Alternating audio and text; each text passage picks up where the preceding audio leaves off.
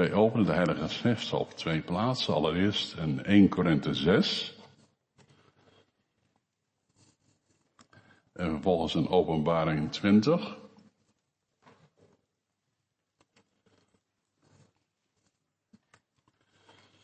...1 Korinthe 6, de eerste elf versen. In de gemeente van Korinthe is een probleem ontstaan omdat mensen met elkaar dreigen op de vuist te gaan over allerlei onderwerpen waarin ze een meningsverschil hadden. Waarschijnlijk ging het hier om een kwestie van een erfenis die niet goed verdeeld was. Of een lening die niet werd terugbetaald. Dus het ging niet over misdrijven. Maar het ging over een civiele zaak, zoals we dat nu noemen. En daarmee gingen ze naar een rechtbank toe. Die rechtbanken destijds, dat was gewoon een deel van de agora, de markt. Waar ook eh, de kramen stonden. En in een hoek van die markt, dan zat dan een rechter. En om hem heen stonden dan de mensen die met een klacht kwamen. En degene die gehoord moesten worden, de getuigen. En ook degene die eh, verdacht werd een bepaald misdrijf te hebben begaan. Maar zoals gezegd, het ging waarschijnlijk niet om een misdrijf, maar om een, ja, wat meer gewone overtreding, waar mensen probeerden recht te halen bij de rechter. En dat is voor Paulus een doorn in het oog. Durft iemand van u, die een geschil heeft met een ander, zijn recht te zoeken bij de onrechtvaardigen en niet bij de heiligen? De Joden hadden al de gewoonte dat als je iets hebt tegen je broeder of zuster in de gemeente, dan ging je naar die synagoge en dan spraken de oudsten van de synagoge recht. Je ging nooit naar een aardse rechter voor zoiets. Weet u niet dat de heiligen de wereld zullen oordelen? En als u door de wereld geoordeeld wordt, zou u dan ongeschikt zijn voor de meest onbeduidende rechtszaken? Weet u niet dat wij engelen zullen oordelen? Hoeveel te meer dan alledaagse dingen? Als u dus rechtszaken hebt over alledaagse dingen, stel dan hen aan in de gemeente die niet en aanzien zijn. Tot beschaming zeg ik u dit. Is er dan onder u niemand die wijs is, zelfs niet één, die in staat zou zijn een oordeel te vellen in een geschil tussen zijn broeders? Integendeel, de ene broeder spant tegen de andere broeder een rechtszaak aan en dat voor ongelovigen. Dus ongelovige rechters. Dan is er al volledig sprake van verlies onder u. Dat u onder elkaar rechtszaken hebt. Waarom leidt u niet liever onrecht? Waarom laat u zich niet liever benadelen? U echter doet onrecht en benadeelt. En dat nog wel aan de broeders. Of weet u niet dat onrechtvaardigen het koninkrijk van God niet zullen beërven? Dwaal niet. Ontuchtplegers, afgodendienaars, overspelers, schandknapen, mannen die met mannen slapen, dieven, hebzuchtigen, dronkaards, lasteraars en rovers, zullen het koninkrijk van God niet beërven. Sommigen van u zijn dat wel geweest. Maar u bent schoongewassen. U bent geheiligd. U bent gerechtvaardigd in de naam van de Heer Jezus en door de geest van onze God. De tekstwoorden vindt u in eh, vers 2 en 3a. Weet u niet dat de heiligen de wereld zullen oordelen? En weet u niet dat wij engelen zullen oordelen?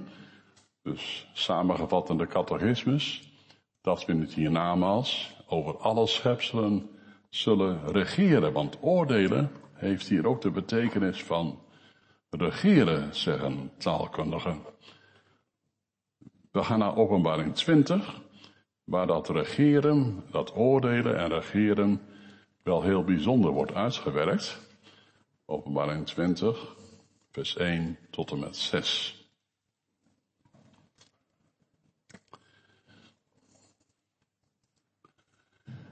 Zoals u weet is het boek Openbaring een brief uit de hemel van de Heer Jezus zelf. Dus niet de openbaring van Johannes, maar de openbaring van Jezus Christus. Dat geeft dus wel een zeer dubbele waarde aan deze woorden. En ik zag een engel neerdalen uit de hemel met de sleutel van de afgrond en een grote ketting in zijn hand. En hij greep de draak, de oude slang, dat is de duivel en de Satan, en bond hem voor duizend jaar. En wierp hem in de afgrond en sloot hem daarin op en verzegelde die boven hem, opdat hij de volken niet meer zou misleiden, totdat de duizend jaar tot een einde gekomen zouden zijn. En daarna moet hij een korte tijd worden losgelaten. En ik zag tronen, en zij gingen daarop zitten, en het oordeel werd hun gegeven. En ik zag de zielen van hen die onthoofd waren om het getuigenis van Jezus en om het woord van God, die het beest en zijn beeld niet hadden aangebeden, die het merkteken niet ontvangen hadden op een voorhoofd of op een hand, en ze werden weer levend en gingen als koningen regeren met Christus duizend jaar lang. Maar de overigen van de doden werden niet weer levend, totdat de duizend jaar tot een einde gekomen waren. Dit is de eerste opstanding. Zalig en heilig is hij die deel heeft aan de eerste opstanding. Over hen heeft de tweede dood geen macht, maar ze zullen priesters van God en van Christus zijn. En ze zullen met hem als koningen regeren duizend jaar lang. Tot zover de schriftlezingen. De ouderen onder ons, die zullen heel wat catechisme spreken gehoord hebben de loop der jaren, denk ik. Maar ik vraag me af of dat ene zinnetje aan het eind van die zondag wel ooit eens besproken is. Dat we in het hiernamaals over alle schepselen zullen regeren. En als dat niet zo is, dan hoop ik vanavond dat te mogen aanvullen.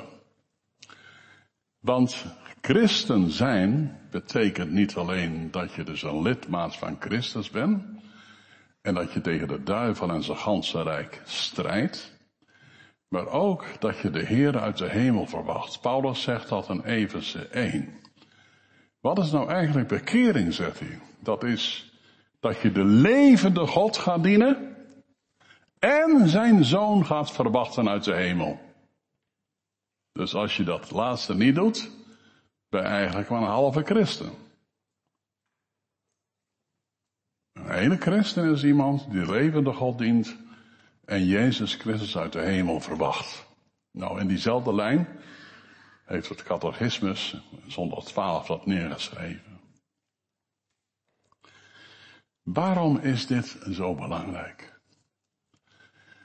Wel, het doel wat God heeft met de mensheid, dat is dat er een tijd zal komen dat de mensen het beeld van Christus gaan dragen en zo wil op hem lijken dat Spurgeon kon zeggen, ze zullen de reflectors van Christus worden. En dat in de schepping die hersteld zal worden, de wederoprichting van alle dingen waar Petrus over spreekt, alles wat door de zondeval is vernield en verwoest, weer goed zal worden, weer hersteld zal worden. Want voor de zondeval zo staat in Genesis 1, vers 28, was de mens een soort koning. Hij was door God aangesteld om heerschappij te hebben over de planten en over de dierenwereld. Hij regeerde namens God op aarde. Adam als de plaatsbekleder van God op aarde. In koninklijke heerlijkheid. Want denk erom dat hij er schitterend uitgezien heeft. Voor de zondeval. Net zoals Eva. En wat nu door de zondeval is vernield, dat gaat God weer herstellen in de toekomst.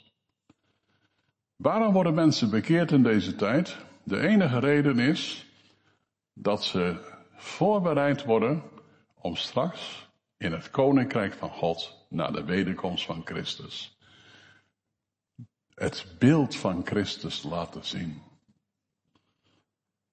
We zullen hem gelijk wezen, zegt Johannes. Het is nog niet geopenbaard hoe het zal zijn precies, maar we zullen hem gelijk wezen. Dat was voor Johannes ook een heel belangrijk punt. Alles stuurt dus naar die voleinding toe. En dan tevens het nieuwe begin. De voleinding van de wereld als het nieuwe begin. De heerlijkheid van dat rijk, van dat vrederijk wat dan zal komen, wordt in de Bijbel vergeleken met een koninkrijk. Als je leest de Bijbel over het koninkrijk der hemelen, dan moet je denken niet aan de hemel, maar aan het koninkrijk dat uit de hemel komt en op aarde zal neerdalen. In Zachariah 14 wordt beschreven dat als Jezus terugkeert op de olijfberg bij Jeruzalem, dat hij daarna koning zal zijn over de ganse aarde. Maar nu is het bijzonder aan de Heer Jezus Christus dat hij zo'n intense liefde heeft voor zijn kinderen, dat hij nooit meer iets zonder hen wil doen. Amos in het Oude Testament, die mocht al zeggen, de Heere, Heere doet geen ding dan nadat hij zijn knechten, de profeten, het geopenbaard hebben. Dat ging dan over bijzondere mensen, profeten. Maar het Nieuwe Testament, het Nieuwe Testament, sinds de komst van Christus, weten we dat Christus zo'n verbondenheid voelt met zijn volk op aarde en nu al in de hemel voor een groot deel, dat hij zonder hen niets wil doen. Want zegt die vader, ik word in hen verheerlijkt, Johannes 17. En straks op de dag des Heren, als de Jezus terugkeert naar de aarde, dan staat er in 2 Thessalonicense 1, dat hij in zijn kinderen verheerlijkt zal worden en wonderbaar zal worden in zijn kinderen. Bewonderd zal worden in zijn kinderen. Dus de Heer Jezus zal van zich afwijzen en die zal naar zijn volk kijken, die in honderden miljoenen en hij zal zeggen, vader, zie hier ik en de kinderen die gij, gij, gij mij gegeven hebt. Ze zijn de uwe vader. Ik word in hen verheerlijkt. Ik krijg in hen glorie, glans. Zo ver gaat dat bij Christus. Die begon bij het begin toen hij zei, ik ben de wijnstokken, jullie zijn de ranken. En, en Paulus in Romeinen 6, één plant met Christus. Die verbondenheid, lieve mensen, aan de Heer Jezus, sinds je tot geloof gekomen bent, is zo sterk dat nog wereld, nog duivel, nog engelen, nog machten die ooit kunnen verbreken. Onmogelijk. Kan nooit meer verbroken worden. Wel, dat had Paulus in de Korinthe gemeente gepredikt. Hij had ze gepredikt het kruis van Christus tot vergeving van een zonde. Maar hij had het ook heel duidelijk gehad over de wederkomst van Christus. Want hij begint onze tekst met te zeggen, weet gij niet, weten jullie niet dat de heiligen de wereld zullen oordelen? Met andere woorden, ik heb het jullie toch verteld? Dat is wat. Blijkbaar is het zo dat Paulus, voordat hij uh, deze brief schreef, al met de Corinthiërs had gesproken over het feit dat de heiligen straks de wereld zullen oordelen. Dat leert ons iets over de manier waarop in de eerste christengemeentes werd omgegaan met de heerlijkmaking, oftewel de wederkomst van Christus. Het was vanaf het begin een issue, een belangrijk onderwerp. Dus als mensen geconfronteerd werden met het evangelie, dan werd ze meteen erbij verteld, wij worden bekeerd om de levende God te dienen en zijn zoon uit de hemel te verwachten. Maranatha. Je leest in de Thessalonicense brief dat dat ook daar gebeurd is. Weten jullie dan niet dat de heiligen de wereld zullen oordelen? En hij zegt dat in een heel speciaal verband. Ik licht er straks al wat toe. Het is toch belachelijk, zegt hij, dat jullie als je een kwarrel, als je een ruzie eh, in de gemeente hebt, dat je dan naar een wereldse rechter gaat, naar een ongelovige, een onrechtvaardige. Want die onrechtvaardigen, die zullen straks door jullie geoordeeld worden. Alle mensen die niet op bekering komen, die zullen op de dag des Heren door Christus en de gelovigen beoordeeld, geoordeeld, veroordeeld worden. Dus als jullie naar aardse rechters toe gaan, omdat je zelf niet waardig keurt, zoals blijkt uit het vervolg, om de zaak zelf op te lossen. Waar zijn jullie dan mee bezig? Wat voor signaal geef je af aan de wereld in Korinthe? Ja, ja, die christenen zeggen, dat zal kan lief hebben. Nou, mooi niet hoor. Je ziet ze ook over de agora heen, met kwaaie koppen, om de rechtbank op te zoeken. Dus als Paulus deze tekst noemt over het met Christus in de toekomst regeren, dan is dat in dit verband. Het gaat dus ook over het dagelijks leven. Hij koppelt het dagelijks leven en hoe je je gedraagt in het dagelijks leven aan de verwachting van de wederkomst van Christus. En het rijk van God dat erna geopenbaard zal worden. En dat is ook het geval als je verderop in het hoofdstuk leest, vanaf vers 9. Of weet u niet dat onrechtvaardigen het koninkrijk van God niet zullen beërven?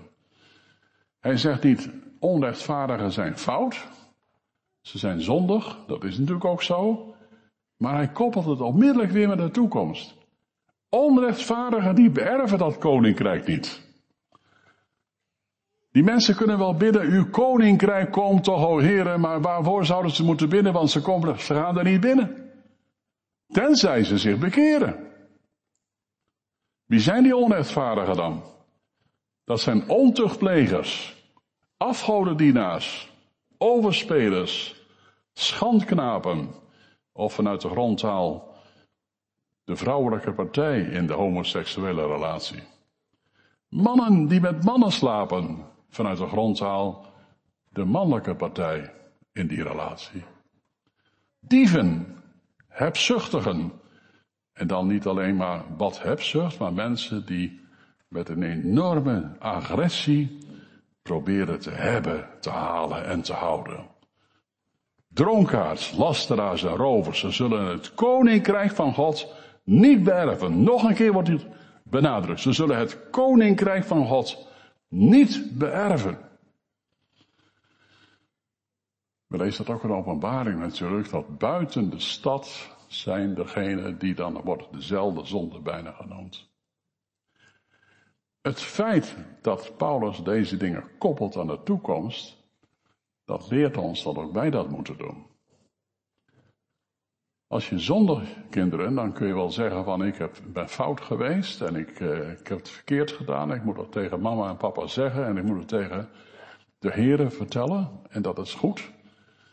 Maar er is nog een belangrijke reden waarom het opgeruimd moet worden. Dat verkeerde wat je hebt gedaan. God wil jou straks in zijn koninkrijk hebben. En hij wil jou straks als koning in zijn koninkrijk hebben. Weet gij niet, weten jullie niet, dat de gelovigen ook van 6 en van 12 jaar, of 16 en 24, dat de gelovigen, de rechtvaardigen, de wereld zullen oordelen? Wanneer zal dat plaatsvinden? Uiteraard na de opstanding van de doden. Als Christus terugkeert op de Olijfberg bij Jeruzalem en de opstanding een feit is, dan zullen in nieuwe opstandingslichamen de gelovigen met Christus iets gaan doen. Ze zullen de engelen oordelen en de wereld. De engelen, volgens Calvijn, zijn dat de gevallen engelen. En dat is de opvatting van de meeste uitleggers. De gevallen engelen. Dus probeer het een klein beetje voor te stellen. Hoe lastig dat ook is. Er zullen miljoenen mensen opstaan uit de doden in een nieuw schitterend lichaam. Zij zullen met Christus iets gaan doen. Zij gaan met Christus de wereld oordelen. En ook de engelen.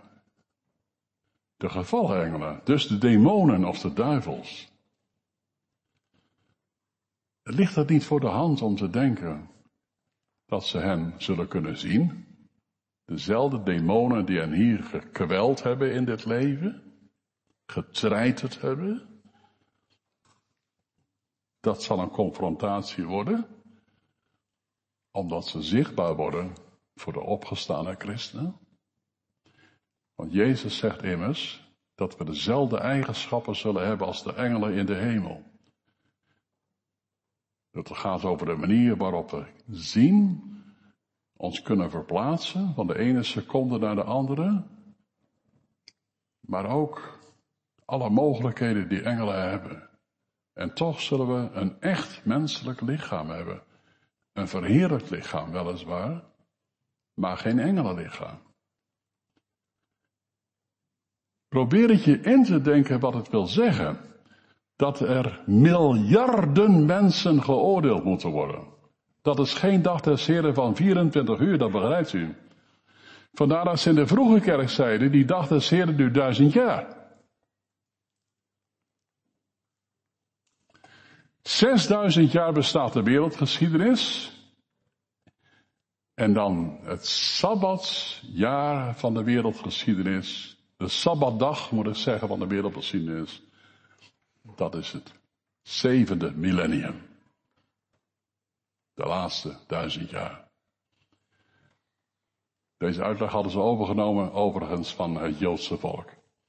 Hoe we daar ook over moeten en mogen denken, dat laat ik even rusten. Het gaat om het feit dat er heel diep geworteld in de eerste christenheid leefde, dat straks in dat vrederijk na de wederkomst van Christus er samen met Christus geoordeeld zal worden. Geoordeeld zal worden over gevallen engelen en ook over mensen. Wij weten vanuit Matthäus 25 uh, hoe dat oordeel zal plaatsvinden.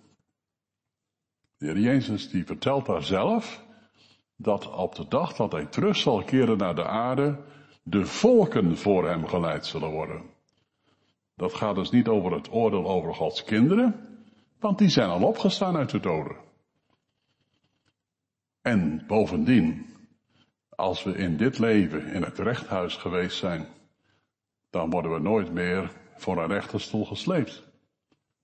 Als Paulus zegt dat we geopenbaard worden voor de rechterstoel van Christus, bedoelt hij niet te zeggen dat er nog een rechtszaak tegen Gods kinderen komt. Wel nee, ze zijn door het bloed van Christus gereinigd.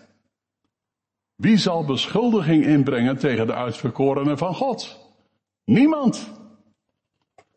Staat niet zomaar dat sommigen in de gemeente, die dus aan dergelijke uitbrekende zonden hadden meegedaan, toch nu zijn gereinigd, geheiligd. U bent schoongewassen. Dat moeten we ernstig nemen.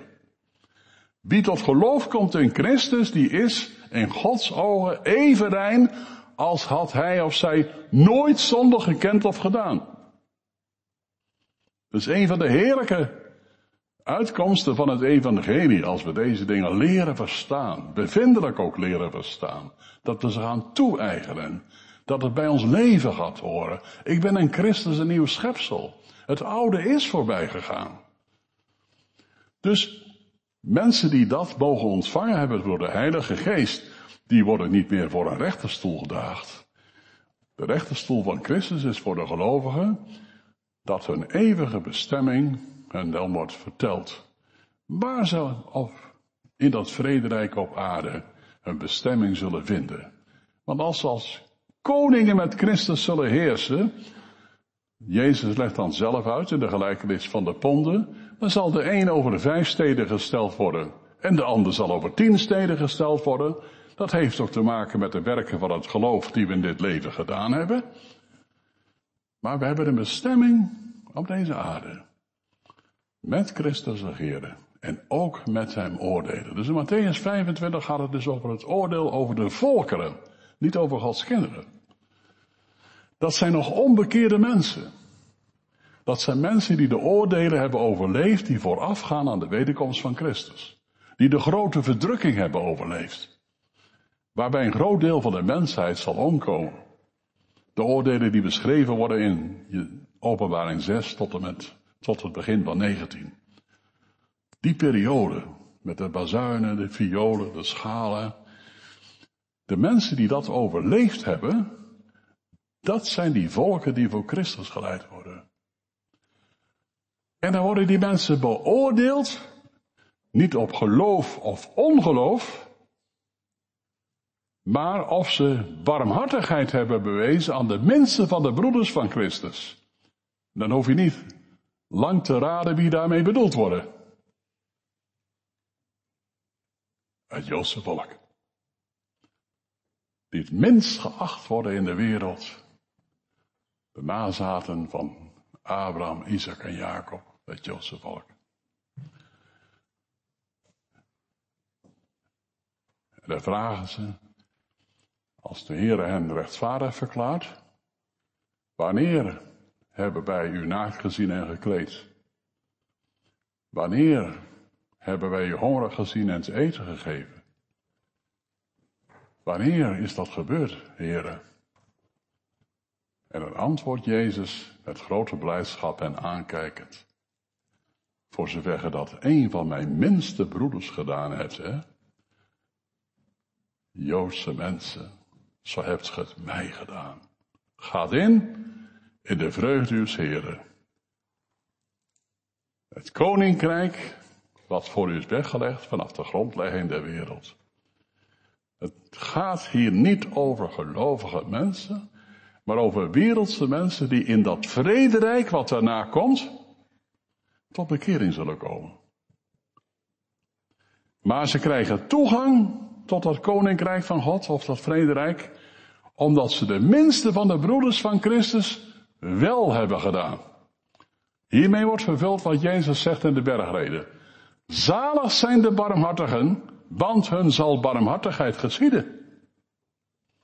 Letterlijk. Ik moet denken aan de geschiedenis van Peter ten Boom. Ik weet niet of jullie daar wel eens van gehoord hebben. Uh, jullie kennen allemaal Corrie ten Boom wel. niet waar, kinderen? Dat is een bekende vrouw geweest die heel veel betekend heeft. Allereerst al omdat ze in de concentratiekampen in Duitsland verbleven heeft en toch bleef volharden in het geloven. En daarna als evangeliste de wereld is doorgereisd. Nou, dat heeft Peter ten Boom, ik dacht dat het een neef van haar was, ook gedaan. Peter was een moedige jongen, want in de oorlogsjaren was hij organist, was 16 jaar toen, in een kerk in Amsterdam. Aan het eind van de dienst trok hij alle registers open begon hij het Wilhelmus in te zetten. Nou, dat was zwaar verboden door de Duitsers. Uh, Azen stond de gemeente op en begon iedereen uit volle borst mee te zingen. Maar dat hebben ze geweten. De Duitsers waren woedend. Dus Peter werd gearresteerd en Peter die draaide de gevangenis in. Maar daar werd die 16-jarige jongen niet door afgeschrikt, hè? Deze gelovige jongen, die heeft na die tijd iets bijzonders gedaan. Hij is samen met anderen een route op gaan zetten om weeskinderen, Joodse weeskinderen in Amsterdam, te vervoeren naar onderduikadressen ergens anders in het land, om ze uit de klauwen van de SS, van de Duitse SS, te halen en te houden. Want de Duitsers transporteerden al volop Joodse mensen uit Amsterdam in die tijd en ook de kinderen en de baby's werden meegenomen en gescheiden van hun ouders. Peter en anderen hebben veel baby's en kleine kindertjes van Israël gered in die jaren. Na de oorlog is Peter evangelist geworden, is de wereld over gaan reizen. En zo kwam hij ook in Israël terecht. Maar dat viel niet mee, want hij kreeg een hartaanval. Toen werd hij in een ziekenhuis gebracht en dan, zoals dat gaat, kreeg hij een intakegesprek met een hartchirurg. Die hartchirurg, die keek hem aan en zegt, u heet ten Boom. Ja, zei Peter, mijn naam is ten Boom. Bent u soms familie van de ten Booms in Haarlem? Ja, in, in Holland? Ja, zegt Peter, dat is familie van mij. En toen begonnen de tranen over de wangen van die chirurg te stromen. Hij zegt, dan ben ik een van de baby's die jullie gered hebben. Misschien was jij het wel, Peter. Begrijpen jullie, kinderen? Peter had de minste van de broeders van Christus goed gedaan. Notabene een baby was het. Niet een tel bij de Duitsers, maar bij Peter wel. Dat laat zien dat voor God barmhartigheid buitengewoon belangrijk is. Die mensen die zo het vrederijk zullen binnengaan, zullen in dat vrederijk tot de kennis van Christus geleid worden, tot bekering komen. Ze zullen mede geoordeeld worden door de opgestane gelovigen. Is het een vreemde gedachte dat de opgestane gelovigen in de plaatsen waar ze gewoond hebben, ook de mensen zullen ontmoeten straks, die ongelovig zijn gebleven en die hen benadeeld hebben, of die op andere wijze, op een vervelende manier hun pad gekruist hebben. En om dan iemand eerlijk te kunnen beoordelen, om dan iemand eerlijk te kunnen beoordelen, dan moet je dus in dit leven iets geleerd hebben.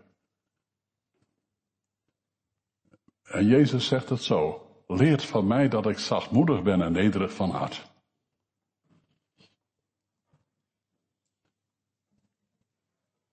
De zachtmoedigheid van Jezus, die belet hem niet om in het oordeel eerlijk te handelen met mensen. En zo zal het ook gaan met Gods kinderen die straks met Christus zullen oordelen. Ik zei al, het zal gebeuren bij de wederkomst van Christus. Het zal gebeuren aan het begin van het vrederijk van gerechtigheid. Zijn er nog meer teksten in de Bijbel die ons leren over dat met Christus als koningen heersen en oordelen? Jazeker. Wij vinden in verschillende delen van de Bijbel vinden we dat terug. In het Oude Testament bijvoorbeeld wordt het in Daniel 2 al gemeld. In uh, Daniel 7, neem niet vers 22. Die bekende tekst, totdat de oude van dagen kwam en het gericht gegeven werd aan de heiligen der hoge plaatsen. Wie zijn die hoge plaatsen heiligen? Wel, Daniel wist dat nog niet, want Christus was nog niet verschenen. Maar later heeft Daniel vanuit de hemel natuurlijk ook meegemaakt dat die hooggeplaatste heiligen de wedergeboren mensen waren uit de gemeenten van de wereld. Zij zijn de heiligen van de hoge plaatsen, die als koningen zullen regeren met Christus. En dan vinden we in het boek Openbaring daar ook veel meer aanwijzingen van, wat het wil zeggen om met Christus te regeren. De bekendste is misschien wel Openbaring 5, vers 10. In Openbaring 5, vers 10 wordt ons een jubel uit de hemel getoond, ten gehore gebracht, zou ik bijna willen zeggen. Die zal worden aangeheven nadat de opstanding der doden is voltooid. En nadat dus die koningen zijn opgestaan om met Christus te gaan heersen op de aarde. En wat zeggen ze dan? Ze zongen een nieuw lied. En ze zeggen dan, en hebt ons onze God gemaakt tot koningen en priesters, en wij zullen als koningen heersen op de aarde. Als koningen heersen op de aarde. Niet in de hemel, maar op de aarde. Want Christus is naar de aarde neergedaald. En troont Jeruzalem op de troon van David als koning van de ganse wereld. En die met hem als koningen heersen, zullen delen in zijn heerschappij. Zo wordt het hier in openbaring 5 vers 10 onder woorden gebracht. Een heel belangrijke tekst in dit verband vinden we in openbaring 2. Waar aan het eind van de brief aan Thyatire iets bijzonders gezegd wordt. Die overwint en mijn werken tot het einde toe bewaart, ik zal hem macht geven over de heidenen. Hier komt het weer terug. Wie volhardt tot het einde, die krijgt straks in de opstanding macht over de heidenen, over de volkeren. En hij zal ze hoeden met een ijzeren staf. Ze zullen als spottenbakkersvaten vermorzeld worden, gelijk ook ik van mijn vader ontvangen heb. Het gaat dus niet alleen om een liefelijke kant van het met Christus heersen als koningen, maar ook om de veroordelende kant. Een voorbeeld daarvan geeft de Jezus zelf. Hij vertelt dat de mannen van Nineveh in het oordeel zullen opstaan tegen dit geslacht. En dan kijkt hij naar de Joodse mensen die hem afgewezen hebben en belachelijk gemaakt hebben, een bespot hebben. De mannen van Nineveh zullen in het oordeel opstaan. Met andere woorden, in dat oordeel wat dan zal plaatsvinden, zullen die Joodse mensen geconfronteerd worden met de mannen van Nineveh. En hetzelfde geldt voor de koningin van Sheba, die Jezus als voorbeeld noemt, die opstal staan in het oordeel met dit geslacht. Wij weten dus dat er hoor en wederhoor zal plaatsvinden. En nogmaals, dat geldt niet van opgestane christenen, maar het gaat over ongelovigen die dan geoordeeld zullen worden. Dan staat er dus, ze zullen dus met een ijzeren roede de heerschappij van Christus en van zijn kinderen ervaren. Je moet dan ook denken aan al die volkeren die uh, gemarteld en gemoord en landen hebben geplunderd, vrouwen hebben verkracht, zoals we dat de laatste jaren hebben gezien van verschillende facties in het Midden-Oosten en nu wat in Afghanistan weer dreigt. Die volken zullen in het oordeel niet wegkomen. Ze zullen verbrijzeld worden, staat er. God zal recht doen op de aarde. En wee degene die onbarmhartigheid bewezen hebben. Dat wordt wel zeer zwaar aangerekend. Want barmhartigheid roemt tegen het oordeel, zegt Paulus. De barmhartigheid kan zich op de borst kloppen en zeggen, het oordeel raakt mij niet, bedoelt hij te zeggen. Maar de onbarmhartigheid, wee de onbarmhartigen, want hun zal onbarmhartigheid geschieden. het gaat dan over die volken, die dus zullen komen onder de roede van het oordeel van Gods kinderen. En er staat erbij, en ik zal hem de morgenster geven. De morgenster is Jezus Christus zelf. Aan het eind van het boek Openbaring zegt hij, ik ben de blinkende morgenster. Maar ook wordt in 2 Petrus 1 vers 19 verteld, dat voordat Jezus als de blinkende morgenster aan de hemel verschijnt, dus voordat hij neerdaalt in Jeruzalem, hij in het hart zal schijnen van ons kinderen. Petrus zegt het zo, let op het profetische woord als een licht schijnend in een duistere plaats. Totdat de dag aanlichtte, tot de dag des Heren begint. En, en de morgenster opgaat in uw harten.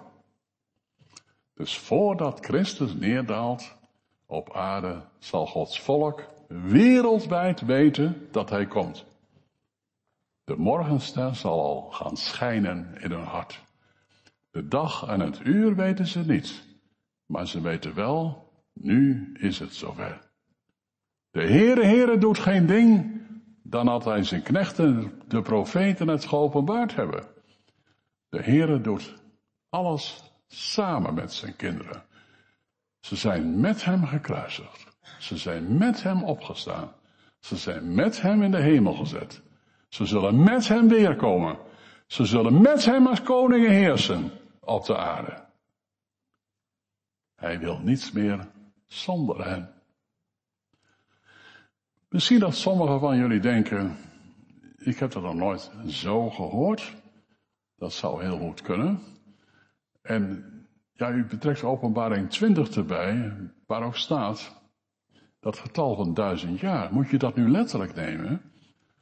Jazeker, staat zes keer in dat hoofdstuk duizend. Dus duidelijk bedoeld als duizend is duizend en niet iets anders. Maar daarbij komt, en dat is nog net zo belangrijk, dat koninkrijk van God, wat aangekondigd is, waar we voor bidden in het Onze Vader, dat duurt in eerste instantie duizend jaar. Tien eeuwen lang.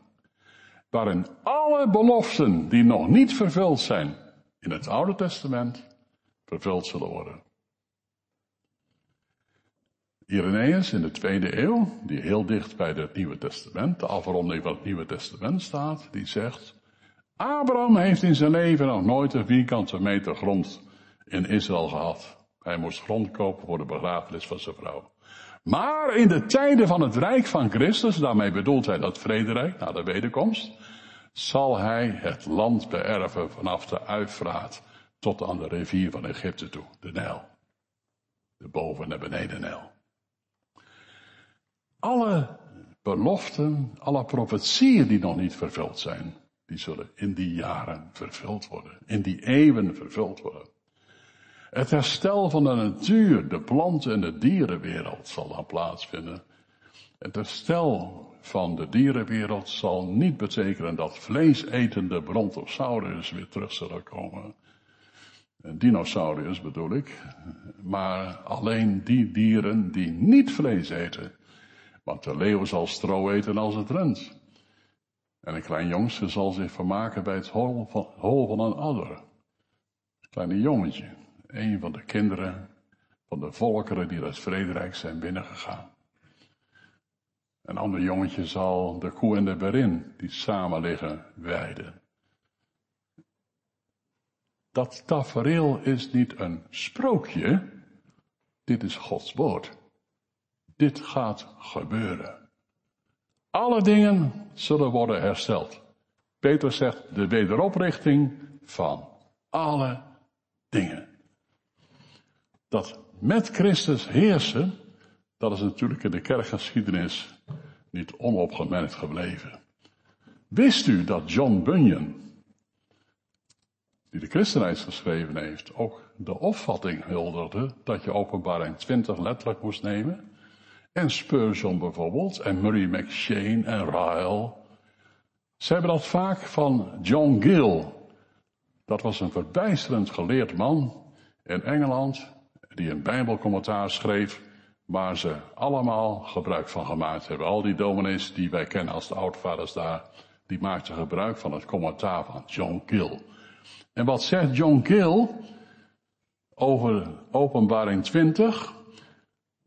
Gods kinderen zullen met hem regeren in zijn koninkrijk hier op aarde, duizend jaar lang. En ze zullen tot in alle eeuwigheid met hem regeren in heerlijkheid. En dat is zeker, want dit koninkrijk is voor hem bereid.